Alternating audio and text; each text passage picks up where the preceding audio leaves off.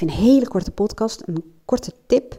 Ehm, ik ben echt een enorme fan van ehm, rituelen. En daarbij bedoel ik, ik heb een ochtendritueel waarin ik um, nou ja, een soort van uh, planning maak. Maar eigenlijk het is gewoon, gaat heel erg over bewust zijn. En zorgen dat ik uh, bewust de dag inga. En um, dat helpt heel erg. Dan laat ik me veel minder afleiden of verleiden, hoe wil je het noemen, om um, dingen te doen die, um, nou, die misschien helemaal niet bijdragen. En nu, dat hoor je wel door al die geluidjes op de achtergrond. Ik heb tussentijdse rituelen, segment intending noemen ze dat wel.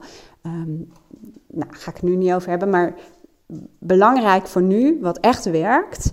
Zeker als je iemand bent die bijvoorbeeld het werk moeilijk kan loslaten is om een ritueeltje te hebben om de, te stoppen met werken.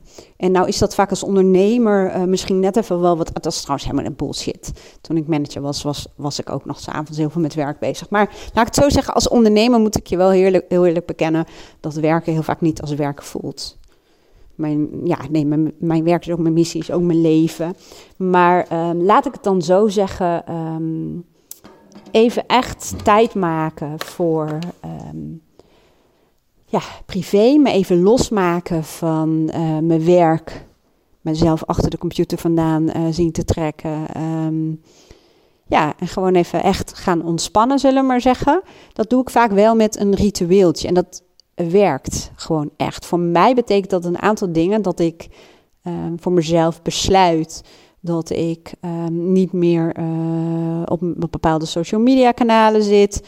Uh, dat ik klaar ben met mail lezen, uh, mijn computer gewoon afsluit, mijn spullen opruim.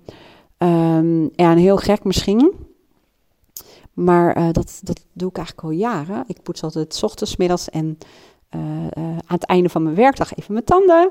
S'avonds ook nog, ja. Maar gewoon, dat is een soort van ritueeltje geworden waarmee ik, ja afsluiten of zo, of me even opfris. En dan um, merk ik ook echt door dat ritueeltje, en ik zou zeggen, verzin er eentje die voor jou werkt, dat ik daardoor veel makkelijker uh, mezelf kan afwinden, zoals iemand zo mooi had gezegd. En uh, overga in um, ja, moment van ontspanning. Wat ik de laatste tijd ook heel veel doe, is de wandeling met de hond verplaatsen. Dat kan nu ook weer omdat het wat lichter is naar eind van de dag. Dus ik ga zo meteen uh, de hond in zijn tuigje sjorren. En dan gaan we het bos in. En dat is ook een mooie uh, overgang, zullen we maar zeggen.